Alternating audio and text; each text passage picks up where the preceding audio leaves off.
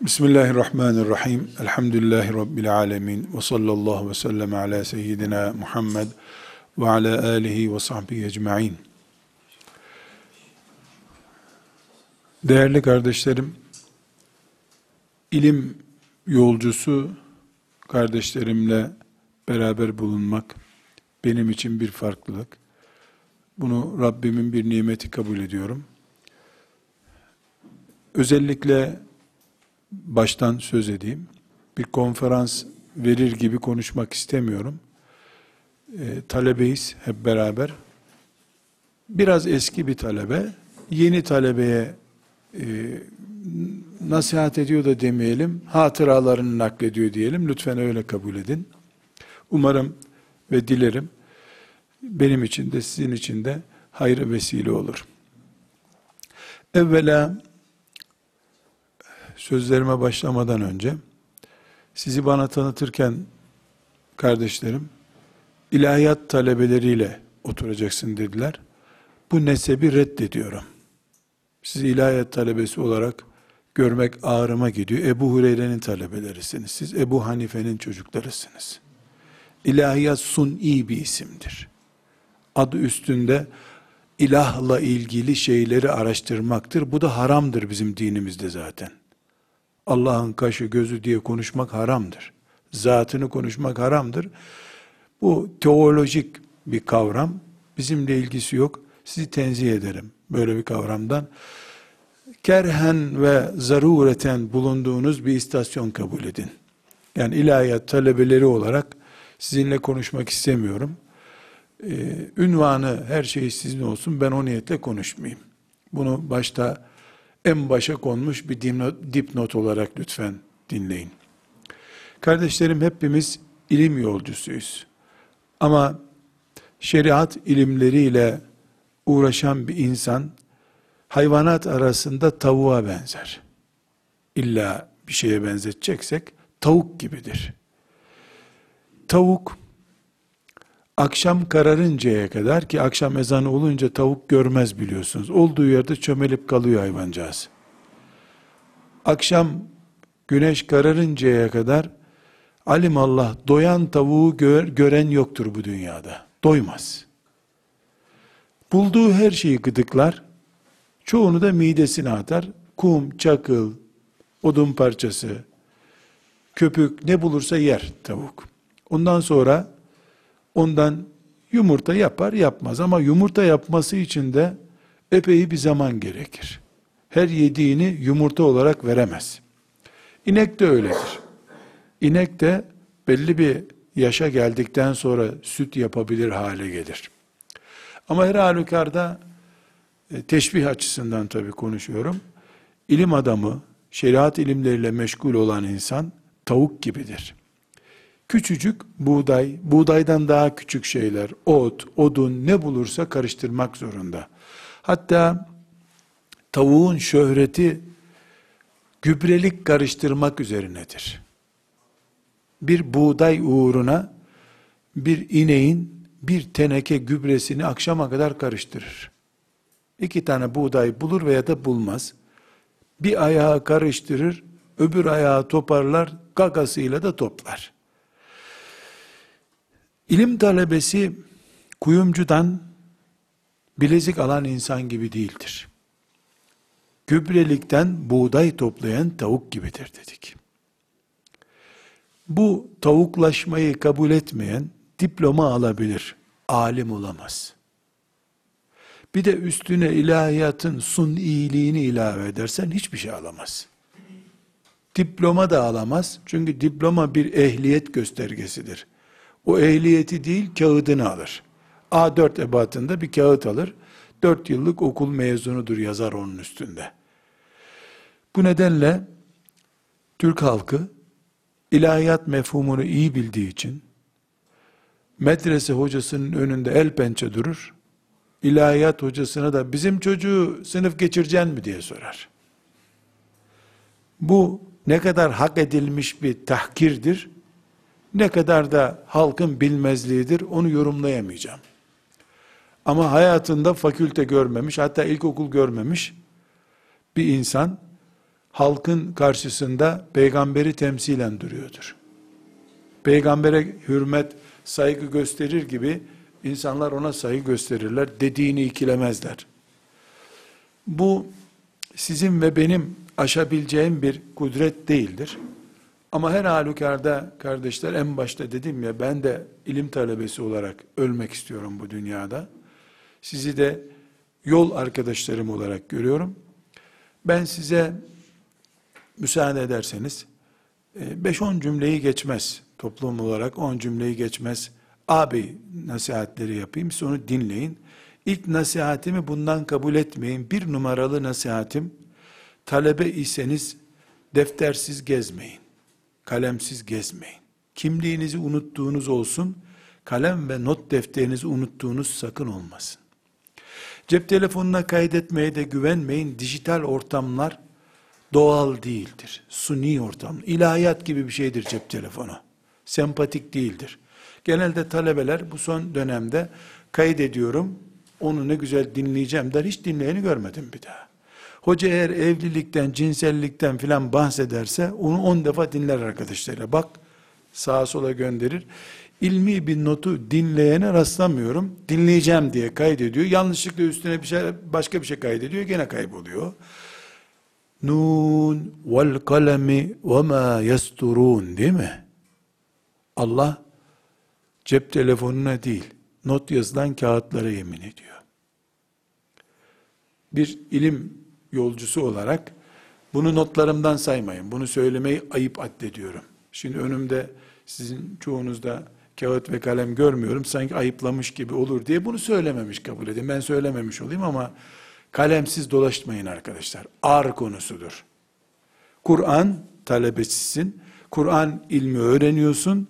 Kur'an'ın yemin ettiği bir şey senin cebinde yok. Çok ayıp. Çok ayıp. Yani çocuğa ayıp sözü denir de ben size söylemiyorum bu sözü. Bu olay ayıp bir şey. Not defterin bir cebinde bir çeşit defter olacak. Öbür cebinde öbür defterin de öbür cebinde olacak. Ee, bu senin çıktığın yolun yedek lastiğidir. Motoru bozuk arabayla yola çıkılır ama yedek lastiği olmayan arabayla yola çıkılmaz. Birini iterek miterek götürürsün, yedek lastiği olmayan arabayı iterek de bir yere götüremezsin. Umuyorum bir ağabeyiniz olarak sizden bayağı yaş farkım var. Görünen köy kılavuz istemez. İkinizin toplamı bir benim yaşım etmiyor anladığım kadarıyla. Aradaki hocamı çıkarmak lazım da. O herhalde böyle kış çiçeği gibi orada duruyor. E artık neyse kar çiçeği gibi duruyor. E, ağabeyiniz olarak bu nasihatimi dinlemeyin. E, dinlemeyin benden yani. Böyle bir şey söylememiş kabul edin kendimi. Çünkü hiç uygun bir nasihat değil bu sizin için. Kardeşlerim, Allah riyadan hepimizi muhafaza buyursun. E, ama insan kendini çok iyi bilir diye zikrediyorum. Lütfen övünmek istediğimi filan anlamayın. İstirham ediyorum. Babam Kur'an ehli, alim bir insandı. Hala yaşıyor elhamdülillah. Dört yaşında beni hafızlık rahlesine oturttu. On yaşına geldiğimde de Kur'an-ı Kerim ezber biliyordum. Nurul İzah'ı da ezber biliyordum. Anladı anlam öyle Bakara suresi gibi de Nurul İzah'ı da ezberletmişti bana. Her övlen bir saatte Nur Riza'dan ders yapmıştı. Ben 10 yaşına geldiğimde Nur Riza'da ezber biliyordum. Rabbime hamd ediyorum. E, yüzlerce hocam oldu. Bugün kitaplarını iftiharla gördüğünüz insanların önünde diz çökmeyi Rabbim bana nasip etti. Bunu kıyamet günü başımın belası olarak da görüyorum. Çünkü herkese verdiği nimetin hesabını soracak Allah. Bana 50 senedir ilim adamlarıyla oturup kalkmayı nasip etti. Tam 50 senem doldu Mart ayında. 50 sene 2 ay oldu ben rahleye oturalı böyle. Ee, bu nimetin hesabını bir gün soracağını biliyorum Allah'ın. Sadece rahmetine sığınıyorum. Yapacak hiçbir şeyim yok. Hak edemediğim bir nimet midir? Sonrası ne olacak bilmiyorum. Çok ciddi birikimlerim var. Büyük insanlarla oturdum kalktım. Elhamdülillah. Ama yeniden yaratsa Allah beni, bir daha dört yaşında olsam ne yapacağımı çok iyi biliyorum. Yamamadıklarımı da biliyorum da, bir fırsat daha verilse bana, o fırsatı nasıl değerlendirirdim siz bana bir sorun. Çocuklarım ve talebelerim üzerinde bir daha yaratılsaydım nasıl olurdumu uygulamak istiyorum. Olmuyor. Kimse e, beni anlamak istemiyor. Çocuklarım anlamak istemiyor. Onlara anlatıyorum. Keşke şöyle olsaydı diyorum. Biz de 50 yaşına gelince anlarız onu. Merak etme gibi mesajlar veriyorlar bana hep. Yani sen düştün yuvarlandın kalktın bırak biz de yuvarlanalım. Ya etmeyin ben düştüm bari siz düşmeyin diyorum. Ama anlatamıyorum derdimi. Size de bir daha yaratılan Nurattin Yıldız olsaydım neler yapardım diye bir program vermek istiyorum arkadaşlar. Bunu bir ağabeyinizin acı hatıraları olarak dinleyin. Temennileri olarak dinleyin. Yüzde yüz etkilenip yüzde yüz uygular mısınız, uygulamaz mısınız bilmiyorum. Ama ben hasretimi dillendiriyorum. Sevdamı dillendiriyorum. Yüzde bir de olsa size katkısı olsa bundan çok mutlu olurum. İnşallah siz de bana hayır dualar edersiniz diye umuyorum. Kardeşlerim, 5 yaşındayken 5 sayfadan gidiyordum hafızlıkta. 7 yaşındayken de hemen hemen hafızı bitirmiştim. Babam bir oturuşta Kur'an-ı Kerim'i 8 saatte okumayana hafız demediği için bana hafız demiyordu. Ben hafızdım aslında. Sonunda onu da becerdi. Bir sabah namazında oturttu. İkindi ezanı okunmadan hiç yalnızsız Kur'an okuyacaksın dedi. Okumadığım zaman kaça mal olacağını bildiğim için gayret ettim, okudum. Allah nasip etti elhamdülillah. Babam maliyeti ağır bir hocaydı. Lüks, dubleks bir hocaydı. Arkadaşlar, o günlerimi yorumluyorum. 7 yaşında, 6 yaşında bir çocuktum.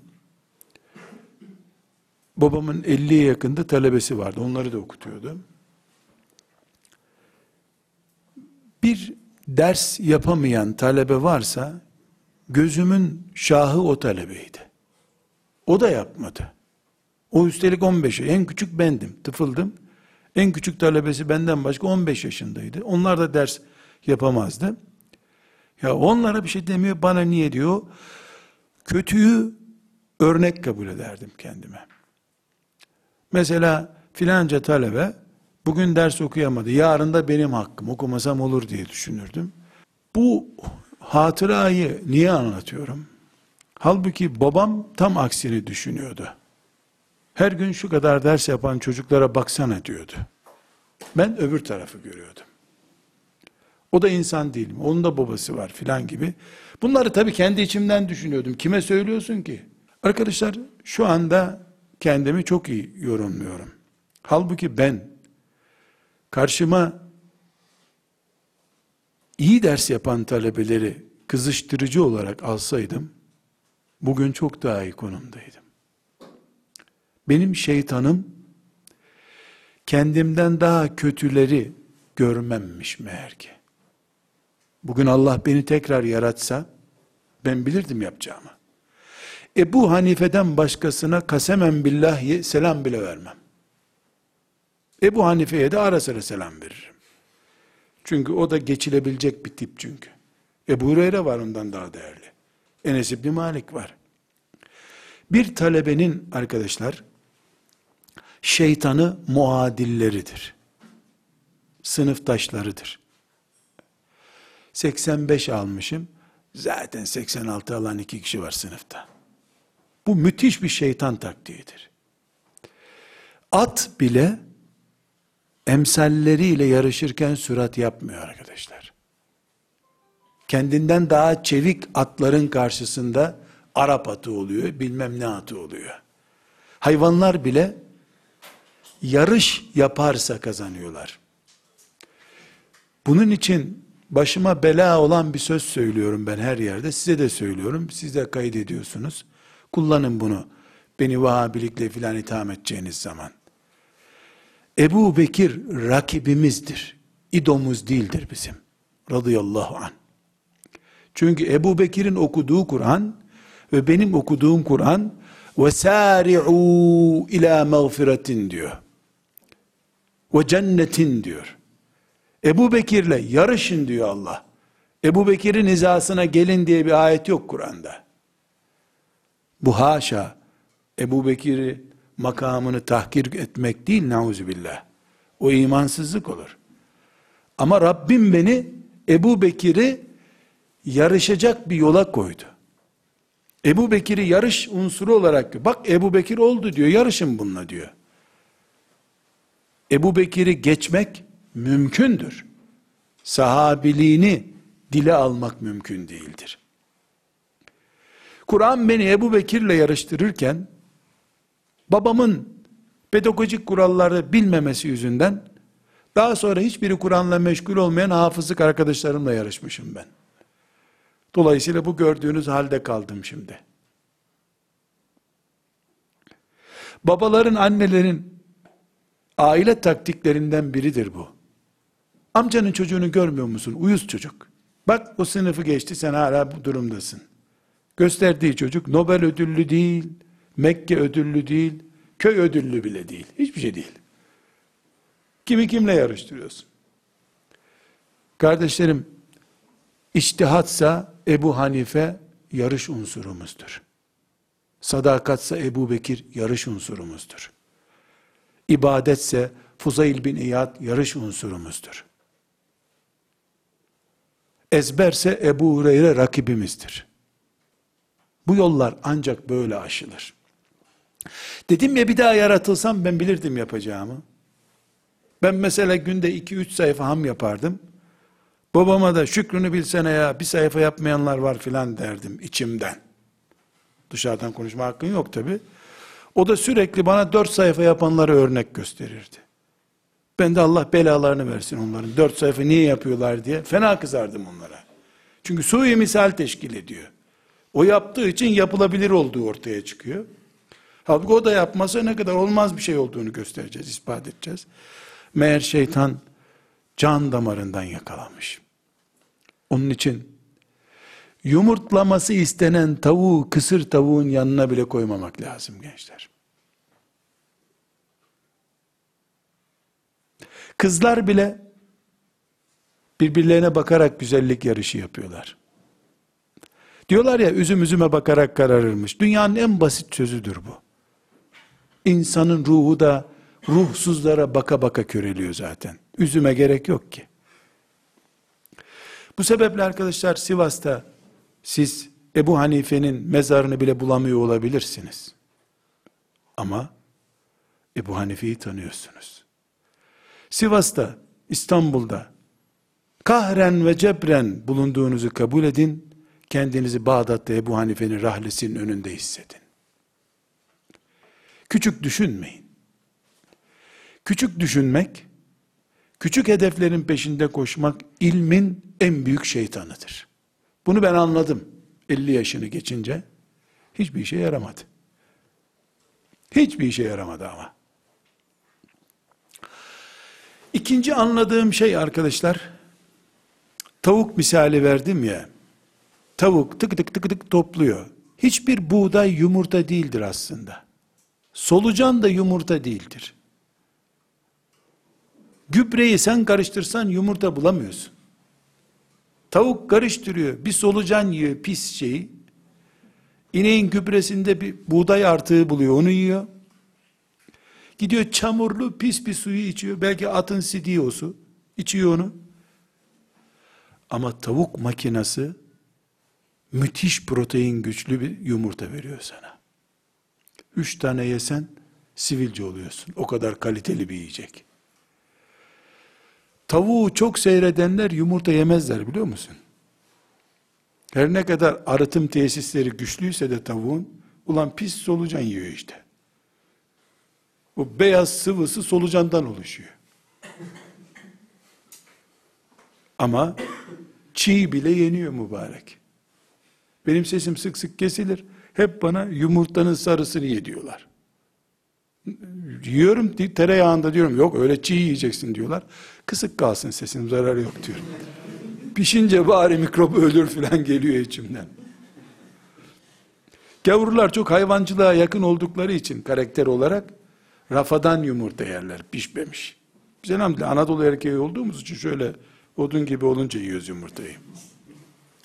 Arkadaşlar espriyle karışmış dağ gibi hakikatleri konuşuyorum. Bugün dinlediğiniz bir menkıbe, kitapta tuttuğunuz küçük bir not var ya,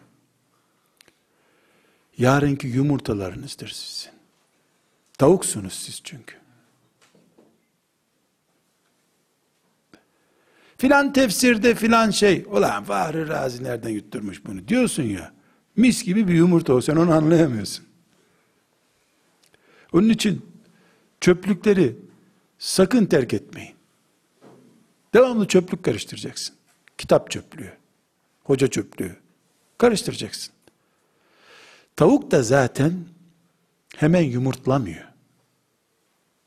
Bir tavuğu keserseniz yumurtlayan bir tavuğu, bu galaksi falan var ya gökyüzünde böyle yıldızlar küçük küçük böyle sonunda büyüyorlar, güneş gibi oluyor. Tavuğun midesi onun gibi arkadaşlar. En dibinde koca bir yumurta var. O yumurta gırtlağına doğru 30-40 tane oluyor herhalde. Küçücük nokta kadar oluyor. Bakıyorsun o nokta büyüye büyüye gidiyor böyle gökyüzündeki dizilen yıldızlar gibi. İlim adamı tavuk gibidir. Yumurtlamasına 20 sene vardır ama toplaması 20 sene sürecektir. Onun için yarın yumurtanız olsun istiyorsanız bugün kütüphane manyağı olacaksınız. Kitap delisi olacaksınız. İmam Nevevi rahmetullahi aleyh ümmetimizin gö göklerindeki yıldızlardan biridir. Uykusunu kitapların üzerinde geçirirmiş. Ve hayatında salata yememiş. Salatalık affedersiniz yememiş. Niye biliyor musunuz? Tespit etmiş ki salatalık çok idrara götürüyor. Yüzde doksanı sıvıymış bunu da şimdi öğrendik biz. Nevevi de tam 650 sene önce öğrenmiş. Tuvalete götürür, tuvalette vaktim geçer diye yememiş. Talebe Neskafesini masasından hiç eksik etmiyor. Tuvalet yolları da hiç kapanmıyor. Transit açık hep zaten tuvalet yolları. Arkadaşlar sizi tenzih ediyorum. Siz böyle değilsiniz demiyorum. Meleksiniz de demiyorum, böyle değilsiniz de demiyorum. Talebe nedir hepimiz biliyoruz bunu. Ama size bir daha yaratılsam salatalık ben de yemezdim demek istiyorum.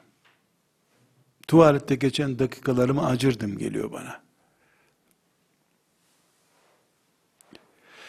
Bana nasılsından sonra ne var ne yok ne yaptın imtihan nasıl geçti diyeni düşmanım kabul ederdim zannediyorum.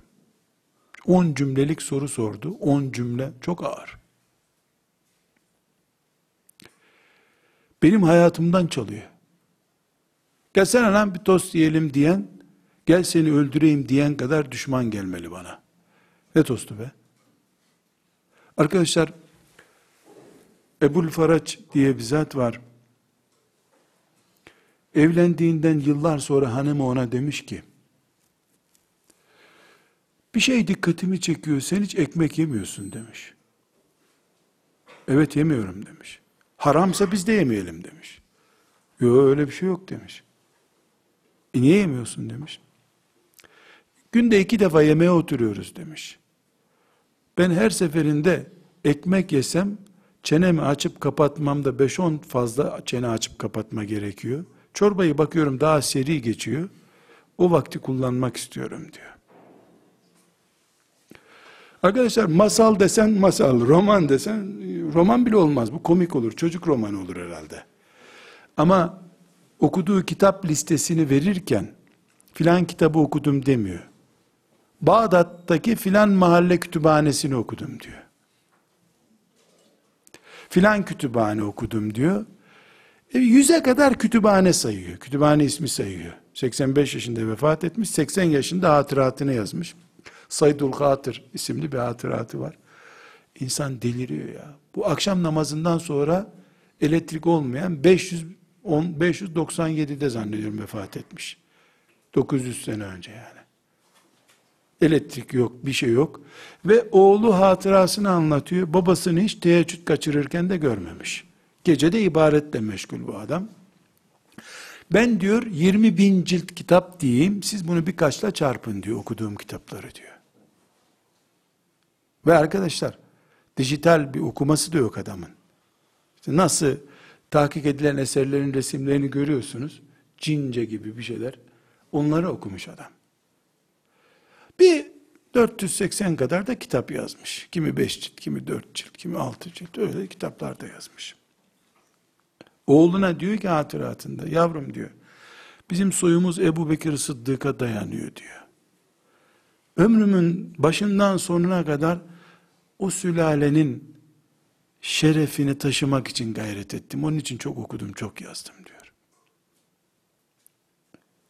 Ya bu enteresan insanlar arkadaşlar. Bizim hayatımızdaki israfa bakıyorum, vakit israfına. Onların vaktindeki berekete bakıyorum. Başarımıza bakıyorum, başarılarına bakıyorum. Ve bu adam da Şiiler tarafından iftiraya uğradığı için de 5 sene de hapis yatmış üstelik. Bu arkadaşlar benim işte geri döndüğümde bir daha yaşasa, yaşatsa beni Allah ne yapardım sorusundaki ikinci maddem benim vaktimi namusum kabul ederdim geliyor bana. Namusuma el uzatanla vaktimi el uzatan arasında farkım olmazdı geliyor. Benim içinde bulunduğum faaliyetleri takip ederseniz bu hassasiyetlerimi görürsünüz zaten. Vakıf kurdum, işi vaktinden çok diye bir slogan getirdim ona. Odamda 7-8 tane saat var. Ben masamda saati görüyorum da misafirim nere oturursa gözüne saat çarpsın muhakkak diye her köşeye bir saat koydum. Sonra başıma ne geldi biliyor musunuz? Bu saatleri niye koydun diye yarım saat izahat yapmak zorunda kaldım. Baktım israf oluyor. Üçe dörde indirdim saatleri. Şimdi yeni bir saat buldum. Oturanın tam önüne koyuyorum onu böyle. Görsün diye. Bu sefer tekrar soruyor bunu niye buraya koydun diyor. Çünkü vaktini namusu bilmeyenlerle yaşıyorum. Dostlarım, arkadaşlarım öyle gelip gidiyorlar. Arkadaşlar bir daha yaratılsam ben bilirdim yapacağımı. Üçüncü hissiyatım arkadaşlar, yani sizinle paylaştığım şey, kitap konusunda iyi olduğumu iddia edemem ama fena da değilim okuduğum Mekke Üniversitesi'nde e, kütüphanede kim hangi kitabı tutarsa ismi kaydediliyor ve zabıt böyle arkasında e, kaydediliyor. O işleniyordu bilgisayara. Daha sonra herhalde kitaba bir şey olursa onu tespit etmek için mi bilmiyorum. Beş arkadaşımın kitap kartlarını almıştım. Yedi sene Mekke'de kaldım. Elhamdülillah Rabbime şükürler olsun. Dört bin ciltten fazla kitap okudum bu zaman zarfında. Üstelik de Erbakan hocamızın oradaki tercümanlığını vesairesini de yapıyordum. Türkiye'den gelen giden muhakkak uğrar onu gezdirir bir şeyler ederdik. 31 işçi kampına, milli görüşün 31 işçi kampına da her hafta derse gidiyordum. Belediye otobüsünde de kitaplarımı okuyordum. Yani yüzde bitirmedim ama 90'ın üstünde bir puanla da usulü fıkıh bölümünü bitirdim arkadaşlar usulü fıkıh hala bölüm bile değildir Türkiye'de. Okudum, Allah bana yardım etti. Cemaatime de hizmet ettim. Rabbimin kabul ettiği kadar. Çok kitap okudum ama burada bir kısmı arkadaşlarımın vasiyetlerimden biri de mezarıma biraz kitap koymalarıdır. Böyle bir kitap hasretiyle yaşıyorum. Evlendim. Babamın cebri ve kahriyle evlendim. Evlenmeye niyetim yoktu çünkü. 40 yaşına kadar kitap hasretimi bitirip öyle evlenecektim. Babam 28 yaşında tekrar beni 6 yaşında zannetti ve evlenecekti anneme. Mecburen evlendik. Benden habersiz ama ben geldim düğüne geldim sadece Türkiye'ye. düğüne geldim. Evlendim. Hanımımla e, ben geldiğimde e, evimi dizmiş annem. Her şeyim hazır. Yasal bir evlilik yaptığım için ilk tartışmam şu oldu. Kadınların adlarını da bilmiyorum böyle örme şeyleri var. Kütüphanemde onlardan iki üç tane gördüm. Ben de hanımımı da tanımıyorum. Anneme dedim bunlar ne anne dedim. Oğlum dedi. Gelin geliyor evimize dedi. Bunlar adettir dedi. Anne yazık olur bunları al sen başka birine hediye götür dedim. Bunları atacağım ben dedim. Yapma oğlum dedi. Zaten evi berbat ettin her yer kitap dedi. Çünkü Mekke'de kitaplarım koliden çıkarıldı. Ablam onları dizdi. Çeyiz olarak onları dizdik. Gelenler de zavallı hediye olarak iki tane dantel koymuşlar raflara. Anne bunları atarım dedim. Kitaplarıma hakaret bu dedim. Zavallı kadın aldı onları. Öbür tarafa ne dedi hala bilmiyorum. Sorsam başıma olur yani. Mururu zamana uğramamış olur diye korkuyorum. Dediğimde 28 sene oldu yani. Şaka bir zaman değil. Arkadaşlar estağfurullah 25 sene oldu. Bir kitap hasretiyle yaşıyorum. Bir şeye pişmanım. Kitap için para çalınırmış aslında düşünüyorum. Param olmadığı zamanlar kitabı alamıyordum. Çalsa mıydım diye bir tereddüt var içimde. Caiz değil, helal değil ama onu düşünmediğim zaman yoktur diyemem. Ara sıra da düşünüyordum. Çalayım sonra tövbe ederim diye. Çok kitap hala okuyorum. Hala başta Rabbimin merhametine sığındım. Yani riya Estağfurullah hocam sen Allah Yani tevazu kılıklı reklam caiz bir şey değil. Bunu bilerek konuşuyorum arkadaşlar.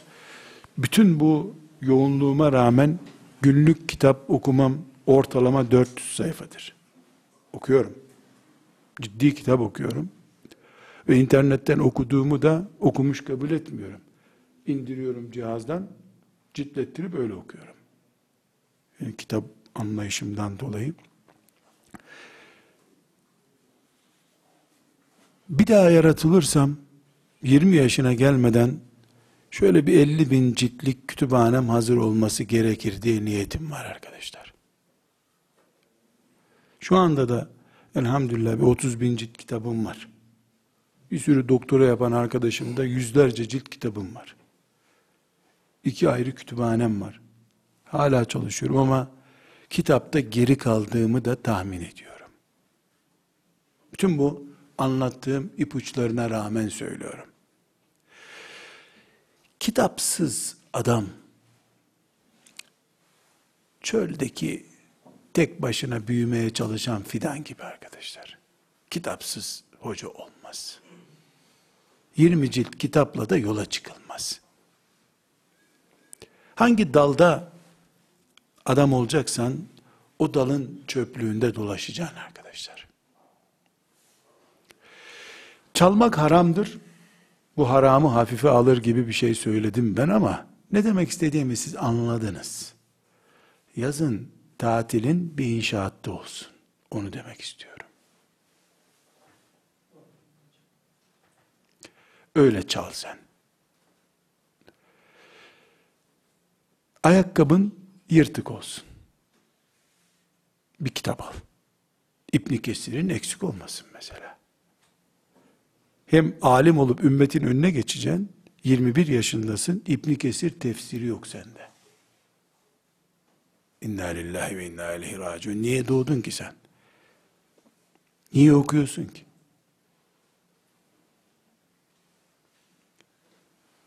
Arkadaşlar kitapsız olmaz.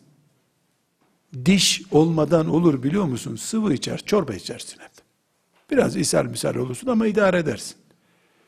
Kitapsız olmaz arkadaşlar. Yeniden yaratılsaydım ben daha büyük bir kütüphanem olurdu zannediyorum. Daha çok çalışırdım inşaatlarda. Daha çok param olur. Daha çok kitap alırdım. Arkadaşlar çok uzatmayayım. bir daha yaratılırsam ne yapardım? Bir madde daha söyleyeyim size. Bizi yetiştiren hocalar, Allah onlardan razı olsun. Çok emekleri var üzerimde.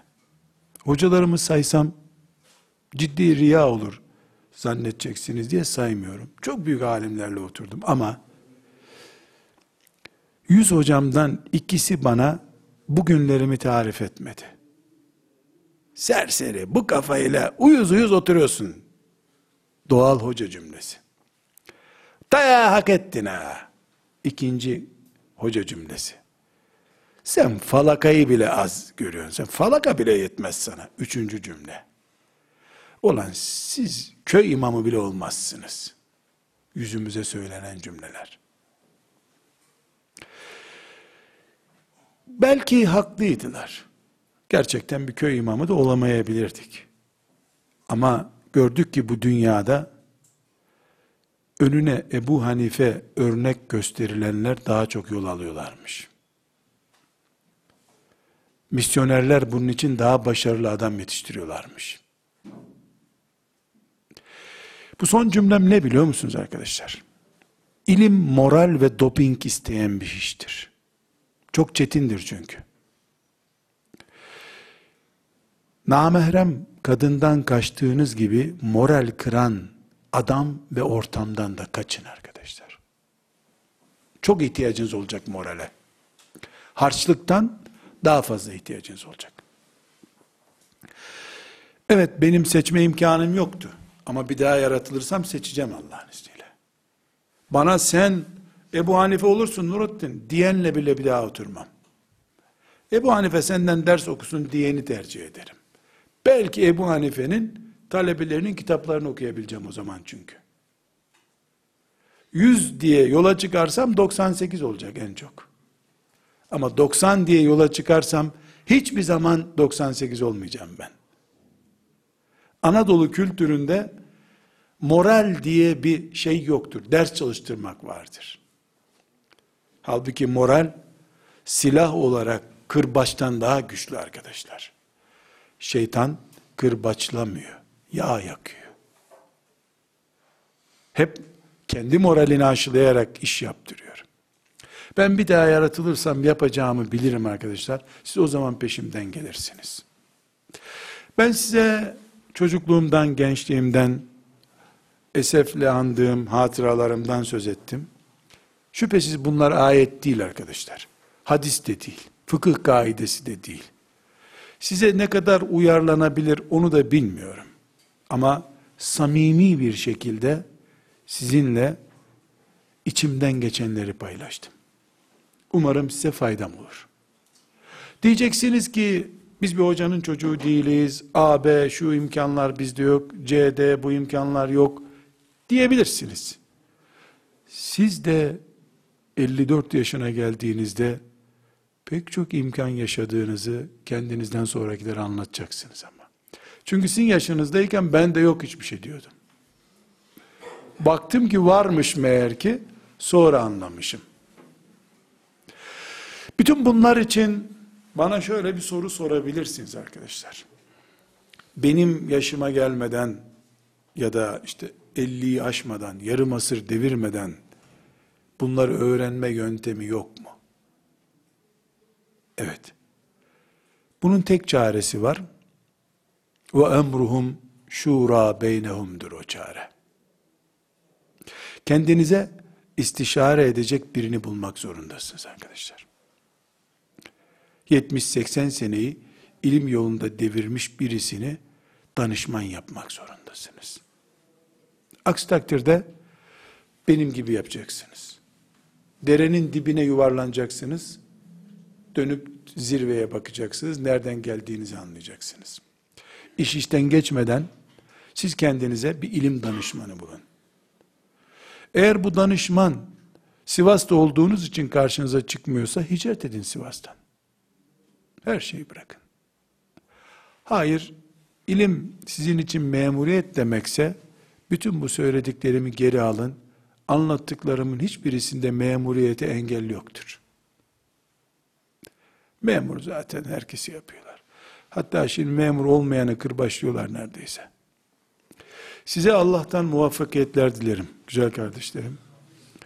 İlim yolunda, şeriatımıza hizmet yolunda Allah'ın yüzünüzü güldürmesini, rahmetiyle size muamele etmesini, meleklerin elinizden tutmasını niyaz ederim. Samimi bir şekilde bunun için dua ederim. Karşınızda oturan ağabeyiniz, ilim adamı değil. Hiçbir şekilde değil.